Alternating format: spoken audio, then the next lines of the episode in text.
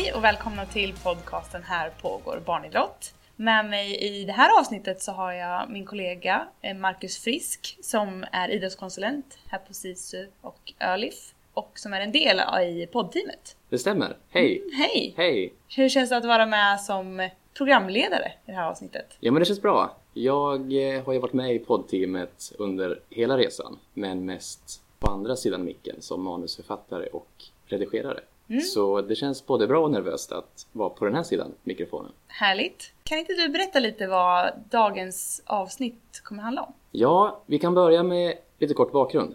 Eh, Den 11 februari i år, 2017, så anordnar vi på Örebro läns idrottsförbund och SISU Idrottsutbildarna en stor konferens som eh, vi döpte till För barnens bästa eller de bästa barnen. Det var en hel dag i barn och ungdomsidrottens tecken. Och inbjudna till den här dagen var eh, alla idrottsengagerade människor som dagligen träffar barn och ungdomar i våra idrottsföreningar. Vi bjöd också in tjänstepersoner och politiker ifrån våra tio kommuner i distriktet. Speciellt fokus hade vi på de föreningar som under 2016 eh, arbetat med sin värdegrund i föreningen. De här gästerna fick ta del av ett antal föreläsare, bland annat Emil Risberg. Ja, precis. Och i det här avsnittet så kommer vi prata mer med Emil som är utvecklingschef på Svenska innebandyförbundet. Och eh, in Svenska innebandyförbundet var ju ett av de första förbund i svensk idrott som har förändrat sin tävlingsstruktur så att den ska passa bättre för barn och, och ungdomar och barn och ungdomsidrott. Vi tar väl och lyssnar till vad Emil har det med sig av. Det tycker jag.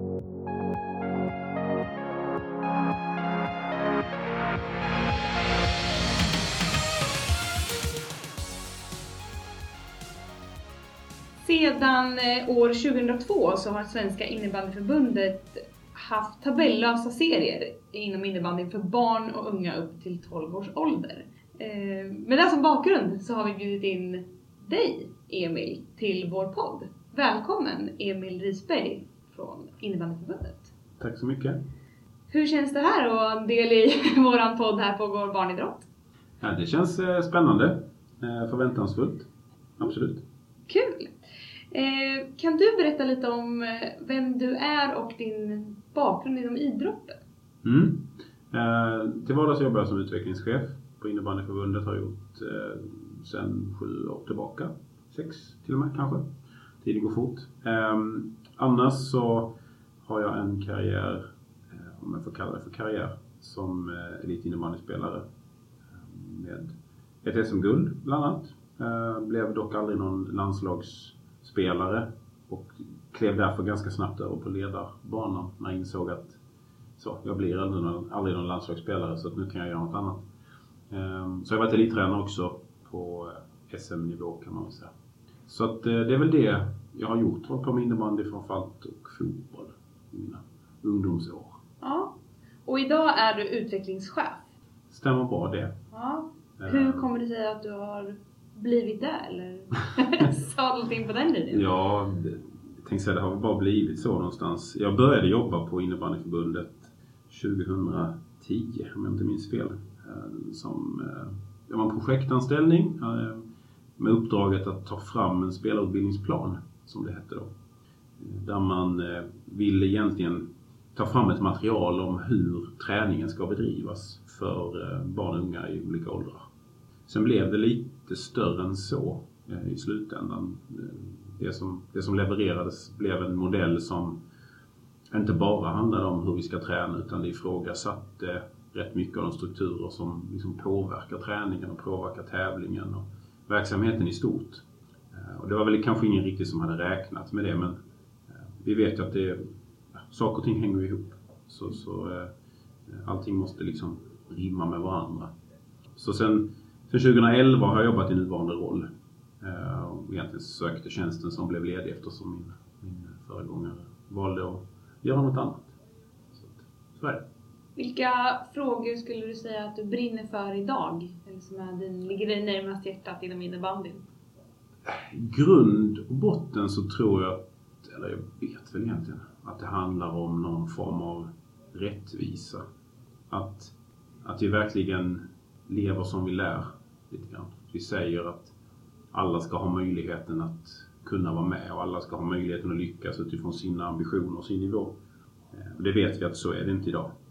Eh, och det är därför jag exempelvis kan bli fruktansvärt irriterad över sådana saker som att eh, vi diskriminerar de som är födda tidigt på året utifrån att de får större fördelar ehm, jämfört med de som är födda andra halvåret. Alltså det, är sådana saker som funnits i lång tid och det är nästan så att man inom idrotten är trött på att höra det men ändå så finns det fortfarande kvar. Och vi accepterar bara att det är så. Eh, och det kan jag tycka är, det är inte okej. Eh, okay. Likaså att vi, som jag sa, vi säger en sak men, men kanske i verkligheten så blir det någonting annat. Och då är det bättre att vi, att vi säger något annat. Så att vi faktiskt lever som vi lär. Så att det handlar egentligen inte så mycket om innebandy längre för min del faktiskt. Utan det handlar om, om andra frågor. Mm. Och Svenska innebandyförbundet ni var först ut inom svensk idrott att eh, bland annat utesluta resultatredovisning och, och ha tabellösa serier inom innebandyn för barn upp till 12 års ålder. Kan du berätta från början där, hur, hur kommer det sig att ni fick de här tankarna och idéerna och fick ni inspiration någonstans ifrån att påbörja ett sådant arbete? Det är en bra fråga som jag egentligen inte kan svara helt och fullt på eftersom jag var inte med på den tiden jag säga. Det var ju nu närmare ja, 14 år sedan, 15 år sedan nästan. Men jag vet och har fått återberättat för mig, jag vidhåller ju det även idag såklart, att anledningen var ju att eh, det är inte på barns villkor. Alltså det är inte barnen som, som kommer på tabellen utan det är vuxet. Det är ett vuxet påfund som har förts ner på barnidrott. Eh, så det, i sammanhanget är det inte viktigt med tabeller. Eh, och då finns det ingen anledning att ha det. Sen vet vi ju alla att Eh, när vi väl har det så kan det framkalla beteenden hos vuxna och ledare som inte är önskvärda och då finns det heller ingen anledning att ha det. Eh, men vi vet ju att barn idag, eh, en del tycker om att tävla, andra inte. Men de gillar, framförallt gillar de kampen för stunden. De tycker att det är kul med matchen, de tycker att det är kul med allting runt omkring. De tycker det är kul med kompisarna. Men så fort matchen eller tävlingen är slut så, så är det något annat som gäller. Då, då, då är det korvkiosken eller något annat. Liksom, så så att, att sätta resultat i en tabell över ett år och hålla på liksom och titta på vilka matcher är helt plötsligt viktigare än andra matcher. Det, det där är vuxet. Så det, det, och vi ser ju samtidigt att efter då 14-15 år så det, vi har lika många utövare som vi hade innan. Så det är liksom ingen skillnad egentligen. Vad var målsättningen när ni, när ni drog igång det arbetet? Är det att få fler barn och unga eh, att spela innebandy? Eller är det för att de barn och unga som är inom innebandyn ska få en, en bättre upplevelse av sin idrott? Eller är det någonting utöver det? Tänker du på att när vi tog bort tabellerna? Ja, tänker precis. du på det senare arbetet? Nej, inte själva utvecklingsstegen Nej. utan Mm. mer eh, anledningar till... Nej men absolut, alltså det var ju en del i att, att eh, få fler att, att stanna kvar för att ta bort den här resultatfixeringen och resultathetsen som fanns och i viss mån fortfarande finns tyvärr. Eh, sen är det bara en del i det och det är ju det som också är lite olyckligt när, när man i media, framförallt på senare tid när andra idrotter har tagit det beslutet, kritiserar det för att man anser att det inte är det som är problemet. Eh, utan det är liksom andra faktorer också och det håller jag med om. Men bevisligen så har ju tabellerna ingen skillnad för om du ska spela innebandy eller inte. Och då behöver du inte ha dem. För att det kan framkalla oönskade beteenden hos vuxna. Och då finns det ingen anledning att ha det. Så, så att eh, i grund och botten var det att skapa en, en verksamhet som, som är mer på barnens villkor och förhoppningsvis så är en bättre verksamhet någonting som någon vill vara kvar i. Och det här har utmynnat bland annat till en ny utvecklingssteg inom innebandyn som eh, i stort sett ligger till grund för också hela svensk strategi 2025. Eh, Kan du berätta mer om er utvecklingssteg och era tankar kring den biten? Mm.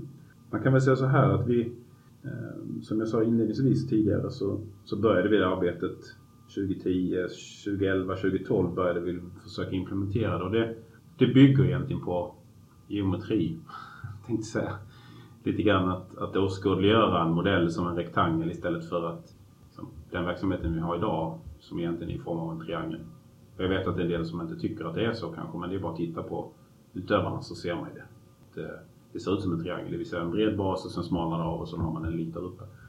Eh, och det absolut viktigaste i modellen, det bygger på att alla utifrån sina behov och sina eh, ambitioner och möjligheter ska kunna bli så bra som, som man vill och kan bli.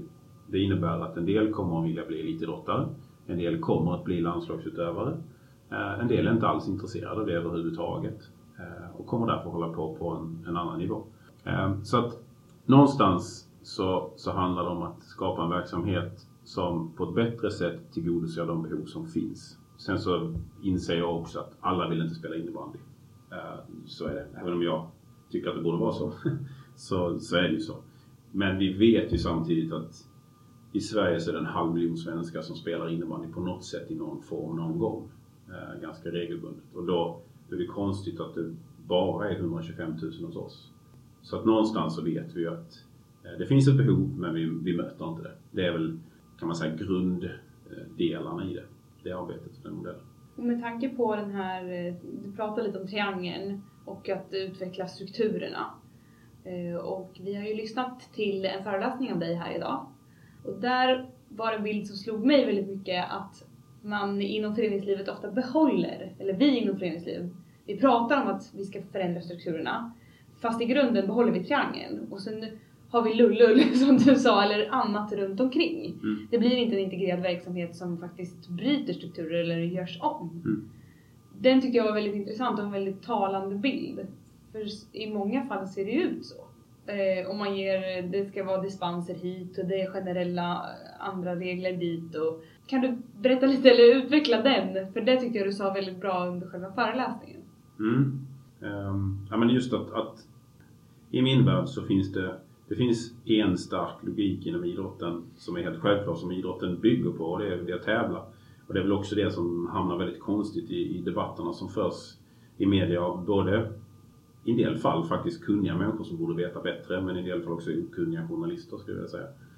Där alltså tävlingslogiken eh, är det som, som supportar en triangel, det vill säga att resultaten i de enskilda matcherna får så stora konsekvenser för verksamheten. Eh, vilket gör att eh, det är egentligen bara de som verkligen vill någonting med sin idrott, eh, som passar in i modellen, som, som stannar kvar. Eh, som blir både utpekade och bekräftade. Eh, vilket gör att då har du en, en dropout som ibland sker i det tysta. Det är någon som riktigt, inte riktigt känner att jag hör inte hemma här och då lämnar jag. Det, det innebär inte att alla som blir bänkade i en match slutar. Eh, självklart att det är inte så stora förutsättningar att fortsätta om man blir det men det finns också de som känner att det, som sagt, mina behov blir inte tillfredsställda här eh, någonstans. Så att Ska vi göra det på riktigt, då måste vi ta bort de strukturerna som supportar den tävlingslogiken. Och då blir det inte på riktigt om vi inte gör det. Utan om vi behåller alla strukturer som finns idag, då kommer vi ha samma resultat om 30 år igen. Det kommer inte hända någonting. Eh, och då måste vi förstå vilka de strukturerna är. Tittar vi på förbundsnivå så kan det vara allt ifrån distriktslagsverksamhet till ungdomslandslag till till eh, SM-tävlingar för yngre åldrar. Det, liksom, det sipprar ner i systemet och det styr hela systemet. Och om man inte har förstått det, då kan man, liksom inte, då kan man göra hur mycket utbildningar som helst vid sidan om. För den strukturen är så stark och den logiken är så dominerande. Eh, så att det kommer inte bli någon förändring eh, i det fallet. Det låter kanske lite svart och vitt men, men vi har ju pratat om de här frågorna, även om vi inte har pratat det utifrån geometriska termer liksom i ja. rektangel, triangel så har vi pratat om det här i 40 år minst. Uh, och det har ju fortfarande inte hänt någonting. Vi har ändå utbildat tusentals ledare, tusentals utbildningstimmar. Och det händer ändå ingenting. Uh, och då måste vi ju göra någonting annat. Då måste vi ändra strukturerna för det föder en annan kultur. Hur har föreningarna svarat upp emot det här arbetet? Är man med på, på resan eller har man på något sätt haft andra synpunkter på vad som ska göras inom svensk innebandy? Både och. Eh, majoriteten av våra föreningar är såklart väldigt positiva. Sen är det en resa att göra i att processa igenom det här och verkligen förstå vad innebär det egentligen om vi säger att vi ska ändra en kultur, ändra i strukturer i både förening och förbund och allt möjligt. Eh, och framförallt när vi då ändrar strukturer kring tävling för att det är ju någonstans ändå de strukturerna vi behöver kanske förändra i. Eh, men även i träningsverksamheten, att det där harmoniserar. Och då blir det svårt i en ganska traditionsbunden organisation och verksamhet eh, som har funkat på ett visst sätt i, jag tänkte säga ett, ett sekel, men, men inte riktigt. Eh, men man gör ju som ungdomsledare gör jag ju det jag själv har blivit utsatt för när jag var liten troligtvis. Eh, och jag gör inte saker och ting för att jag är elak eller vill något dumt utan jag gör det jag tror är rätt och det jag, det jag liksom blivit uppväxt och kan man säga, lärd i den kultur som råder. Eh, så att vi har många föreningar som vill eh, och kämpar. Vissa gör det bättre än andra. Vissa har längre kvar i att, att få alla i föreningen att förstå allt ifrån föräldrar till ledare. Eh, spelarna är oftast det minsta problemet i det här fallet. Ehm, så, så att eh, övervägande positivt men vi har, vi har en lång resa kvar. Och då ska man komma ihåg att vi har ändå, vi har ändå börjat för några år sedan. Så, så att de idrotterna som börjar nu har ju en ännu längre resa framför sig, skulle jag tro. Så är det efter fem år efter införandet av det här, är det för tidigt att dra slutsatser eller kanske se tendenser åtminstone? Kan man se några tendenser? Vad som, vilka beteenden har förändrats eller hur påverkar det här innebandyn?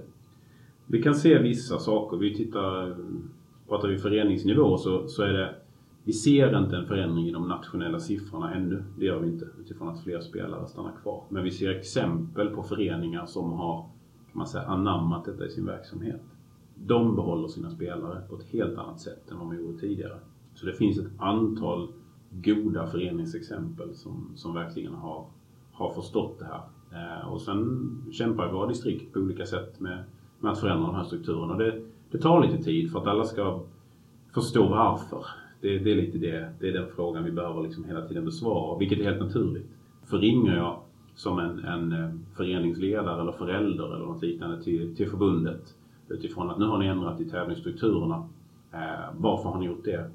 Då vill man inte få svaret Ja men det är för det, det, det har vår nya modell bestämt. Ja men det var inte det jag ville veta. Jag ville veta varför. Vi kan inte hänvisa till liksom någon, någon modell eller något dokument. Berätta för mig varför ni gör det här. Eh, så att vi har liksom en kunskapsresa att göra. Att försöka upplysa och öka kunskapen hos, hos föräldrar, och ledare och föreningsledare. Det är spännande men, men eh, det tar tid. Som vi sa, eller som vi pratade om, så var ju ni först ut inom svensk idrott med den här förändringen. Och andra sporter har hakat på ganska nyligen. Har ni varit involverade när de här sporterna. Fotbollen till exempel, hockeyn är väl också inne i ett sånt arbete. Har ni varit involverade? Både och kanske, eh, inte direkt. Eh, det är klart att vi har diskussioner och dialoger med, med andra förbund. Eh, och jag vet inte i vilken utsträckning de tittar på oss så, men, men eh, indirekt kanske. Sen så kan de ju som sagt använda oss som ett, ett gott exempel, om vi nu tar exemplet med tabellerna. Eh, däremot så är det tydligt i media att vi inte har har varit framme på det sättet eh, som ett gott exempel. Och det är lite synd man inte har Ja absolut, man kunde ju titta, ja, men precis, man kunde ju tittat på, på någon som har gjort den här resan eh, för ganska länge sedan. Eh, absolut.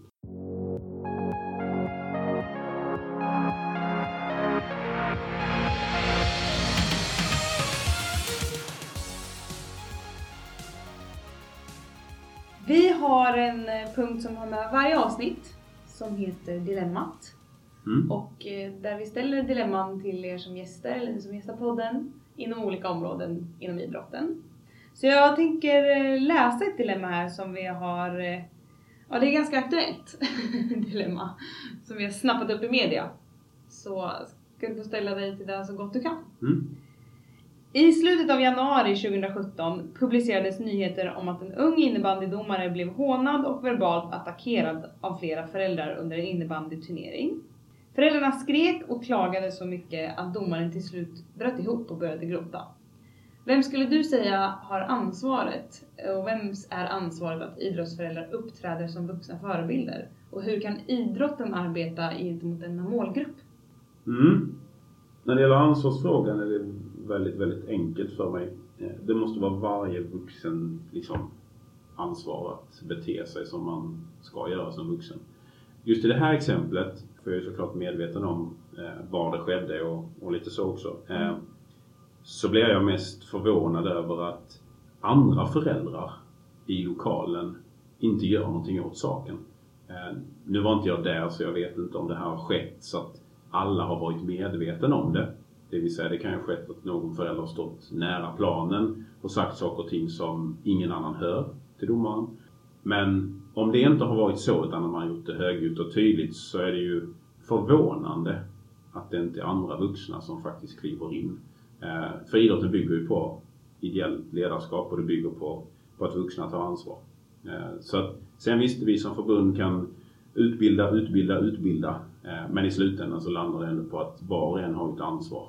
Och jag skulle väl nog vilja sticka ut hakan och säga att, att jag skulle vilja se sådana saker än mer att man faktiskt säger ifrån när det är saker och ting som man inte tycker är okej. Det kan ju vara också att man som ledare möter ett, ett eh, mitt lag möter ett annat lag där jag tycker att den andra ledaren gör fel som toppar laget eller gör andra saker och ting där jag ser att de här barnen mår dåligt. Att jag tar mitt ansvar och kliver över och säger att jag tycker inte det här är okej. Det skulle vi alla eh, gagnas av faktiskt. Bra, tack så mycket. Mm. Den här podden har handlat en hel del om struktur strukturer inom svensk eh, innebandy. Men om du Emil fick möjlighet att eh, styra över hela svenska idrottsrörelsen och börja ändra strukturer för alla idrotter. Vart skulle du börja någonstans och varför? Mm, det är en intressant fråga. um, kanske inte är så enkelt att, att peka på någon enskild sak. Så vi har gjort exempel på förändringar kring eh, framförallt nationella tävlingar för yngre. Ta bort. Det finns ingen anledning att åka från Umeå till Växjö för att möta någon som är på samma nivå som jag. Eh, och kalla det för ett SM när man är 12. Om det nu fortfarande existerar. Eh, det är väl en sak. Saker och ting som rör distriktslag, ungdomslandslag skulle jag plocka bort faktiskt för att det blir direkt kontraproduktivt eh, i slutändan faktiskt. Däremot innebär det inte att bara ta bort verksamhet för samtidigt måste vi kunna erbjuda bra verksamhet. Men det behöver bygga mer på att individer som vill kan söka sig till olika typer av utvecklingsmiljöer. Men, men ehm, där är en hel del strukturer som, som påverkar hela systemet. Sen är det en stor, förutom strukturerna såklart, för det är ett enkelt, eller enkelt, men det är ett sätt att styra kulturen. Så är det klart att vi behöver fortsätta öka kunskapen på olika sätt för att man förstår just varför. Annars så blir det ändå så att vi har föräldrar som gör sina egna tabeller hemma på kylskåpet för att man har inte förstått varför. Men jag skulle nog, jag skulle nog attackera de strukturerna, vilket troligtvis skulle vara jobbigt. för att det är ganska, eh, det är ganska traditionella strukturer. Men vi behöver ändra dem för att få till en förändring. Ja, det krävs både tålamod och mod för att genomföra förändringar. Men det är kanske det som behövs också för att vi inte ska sitta här om 30 år igen och, och prata om precis samma frågor. Ja. Så eh, tack till dig Emil och jätteintressant och, roligt att du ville vara med i våran podd. Tack för att jag fick vara med.